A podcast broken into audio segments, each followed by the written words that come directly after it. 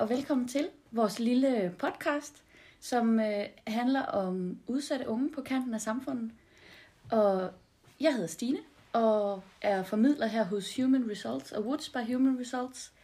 Og i dag der skal vi snakke med Mikkel, og han har taget sin kammerat Chris med. Og vi er her fordi, at sidste år, var det ikke sidste år, der var du med i en rapportage ved DR om Yes. det her med unge kriminelle. Yep. Øhm, og jeg tænkte på, vil du ikke øh, lige præsentere dig selv lige kort? Jo, det var det to. Jeg hedder Mikkel. Jeg er 18 år gammel. Øh, jeg har haft op- og nedture i mit liv, lad os sige det sådan, og egentlig er endt et rigtig godt sted, men det kommer vi jo mere ind på. Vil du fortælle lidt om det her med, hvad der ligesom skete, inden du kom til Woods? Hvordan dit liv var inden der? Jamen, altså, mit liv inden, inden Woods, det var... Det var, man kan sige, det var, det var, det var sørgeligt, men det, det tænker man jo ikke selv over. Altså, det var jo et liv fyldt med misbrug, både i familien og mig selv. Øh, så endte jeg en tur i fængsel, og altså, skolen var turbulent, og jeg, jeg kunne ikke rigtig tage mig sammen om noget som helst. Men øh, jeg kom en, øh, en tur i fængsel og var der ja, en 10 måneder eller sådan noget.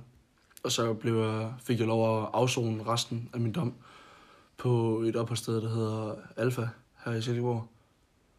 Og der sad jeg jo også de første hvad, to måneder, uden rigtig at, at, at gøre det vilde, end at sidde og spille computer. Hvor jeg så fandt øh, i samarbejde med lederen dernede, Karina, og de havde det der Woods kørende. Og det var jo, ja, det kom jeg så på prøve. Hun kom og snakkede med mig lidt, og vi fik en god snak. Jeg kom op og mødte de andre gutter, der var deroppe, og vi fik en god snak om, om, om jeg kunne finde ud af at møde op og, og alt sådan noget. der. Og så sagde jeg, ja, det kan jeg godt. Ja, så tog jeg jo så derop, og ja, var der, ja, jeg ved ikke, hvor længe jeg var der, et halvt års tid. Et halvt års tid cirka, startede på min uddannelse efter det. Og, og inden du var oppe ved, ved, ved Woods, kan du beskrive lidt om, hvad der, altså, hvad der foregik ind i dit hoved, i, når du var nede i de her dårlige perioder? Jamen, hvad der foregik i mit hoved, tænker du i forhold til misbrug og Ja, kriminalitet? ja, lige præcis. Hvad for nogle tanker, du gik med? Jamen, jeg tror, jeg tror ikke, jeg havde de vilde tanker, fordi jeg var ikke typen, sådan, der startede med at tage stoffer for, for at løbe for noget. Jeg, jeg tog egentlig stof, fordi jeg synes, det var sjovt. Jeg synes, det var fedt, og det, hvad, hvad kan man sige, det tændte mig lidt, den der livsstil. Mm. At det skulle være lidt vildt, det hele. Ja. Men, men jeg havde ikke rigtig nogen tanker, tror jeg. Altså, jeg, jeg kørte jo bare på min eget flow, og kørte på rosen hele tiden. Der jeg var sgu påvirket altid. Altså, stofferne fyldte rigtig meget i De fyldte liv rigtig meget i mit liv. Det var, det, var en, det var en permanent del af mig, Ja. kan jeg huske, jeg sagde til mig selv, at øh, det sgu en del af mig, det her nu. Ja. Og sådan er det bare.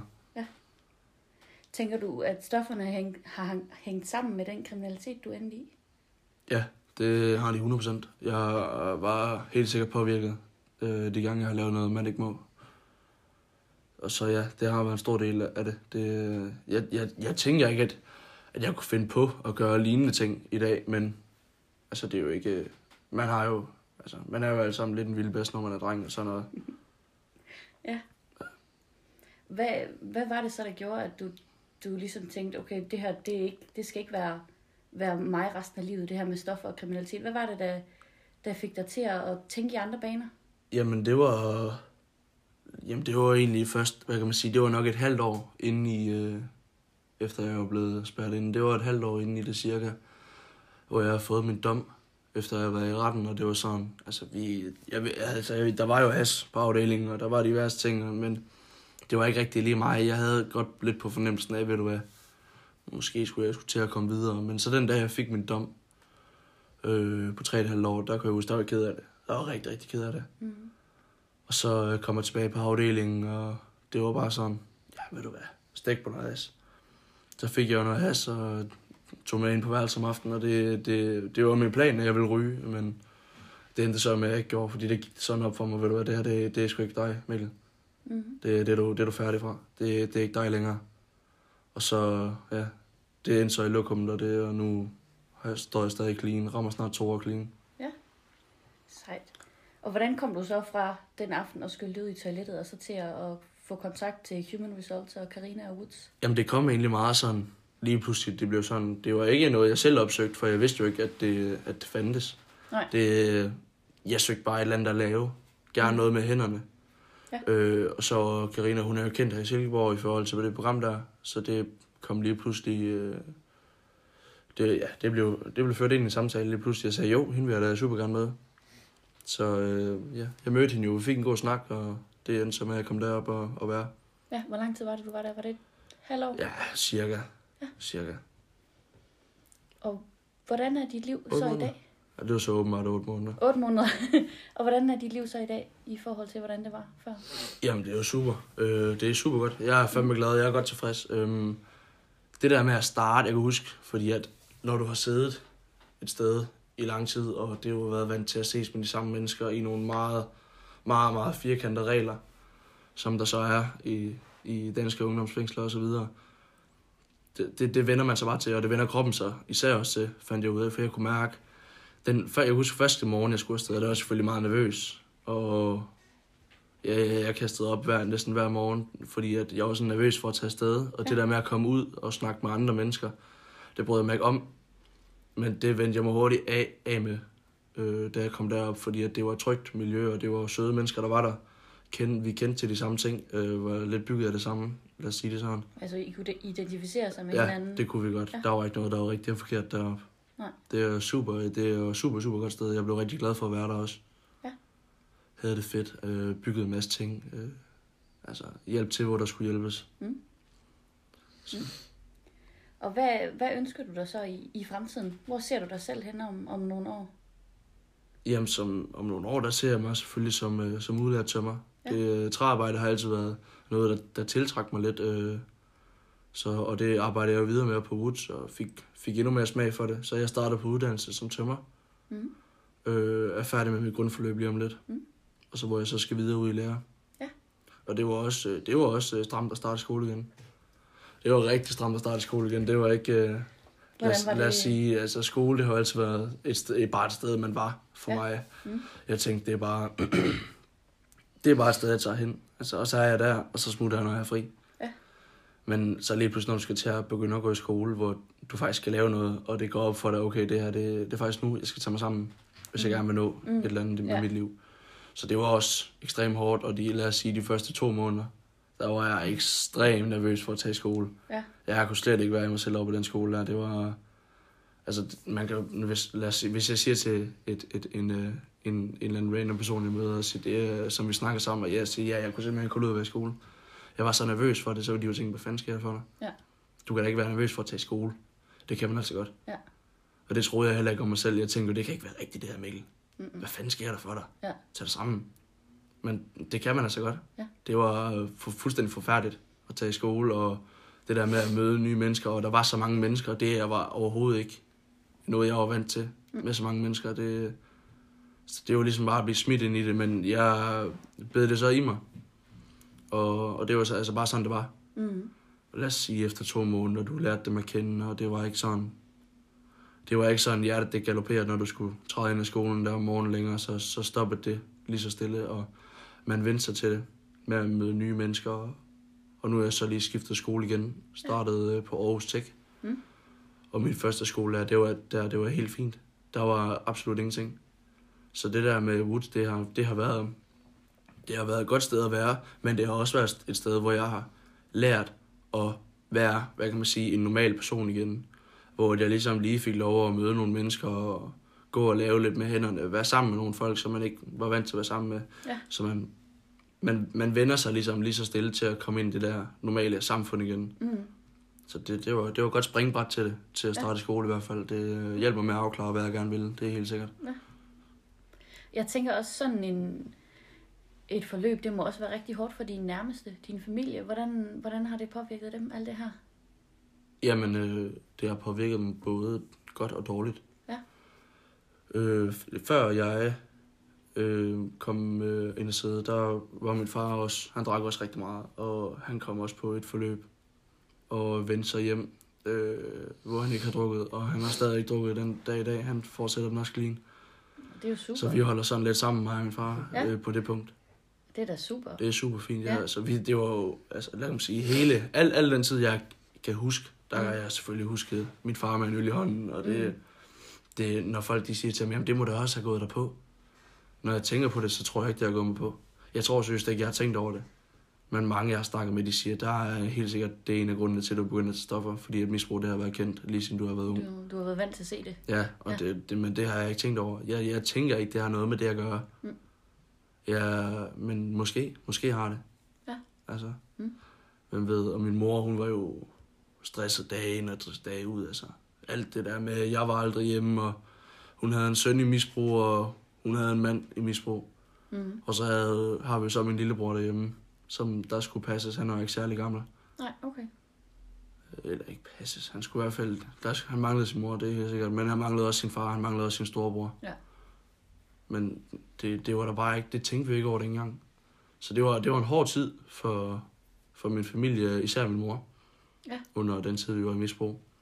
Og så da jeg, ja, da jeg kom i fængsel, det var selvfølgelig enig hårdt. Det var også hårdt for dem begge to.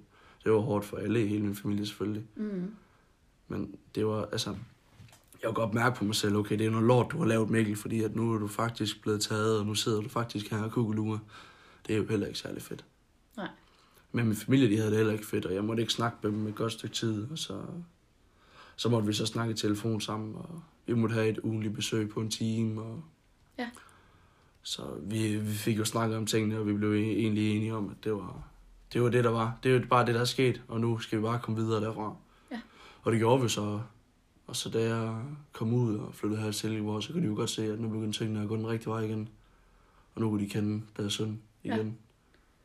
Fik din familie også noget hjælp gennem øh, Karina og, og Woods og Human Results? Nej, ikke rigtigt. Det var, det var mest dig, Det var, det var, det var mig, der havde noget med det at gøre. Mm. Hvad? Altså, ja, hun snakkede selvfølgelig med min mor. Ja. En gang imellem telefon og sådan noget. Men det, Ja. det var egentlig mest mig. Som, Ja. som, Hvad, øhm, så du synes du, at det er vigtigt, at der er nogen tæt på en, når man har, når det hele ramler omkring en? Gør det en, en forskel, at man har et, et godt netværk, at, der er nogen til at støtte op? Ja, ja selvfølgelig gør det det. Mm. Det, det betyder da meget. Altså det der med, der er mange mænd, der har det sådan, ej, vi skal sgu ikke snakke med nogen, og ved du hvad, det holder vi for os selv. Ikke alt det fisk der. Men det er sgu egentlig meget rart. Ja. Det er det. Jeg, har- jeg har nydt det. Det har Ja. jeg. Så det har hjulpet dig, at der simpelthen har været nogen... Det har hjulpet med en god familie derhjemme, og det har hjulpet med nogle rigtig gode venner. Ja. Og det er det, altså, venner det er alt, Mm. og familie det er alt. Hvis du har nogle dårlige venner, der er dårligt selskab, så ved du godt, hvor du ender. Ja. Og sådan er det bare, der er ikke nogen vej udenom det. Det betyder alt. Dem du Ja. ses med, det er hvad du bliver til. Ja. Og sådan er det bare. Det, det skal man simpelthen lære at indse fra nogle alder af, at det kan godt være, at de ældre, de er de seje gutter.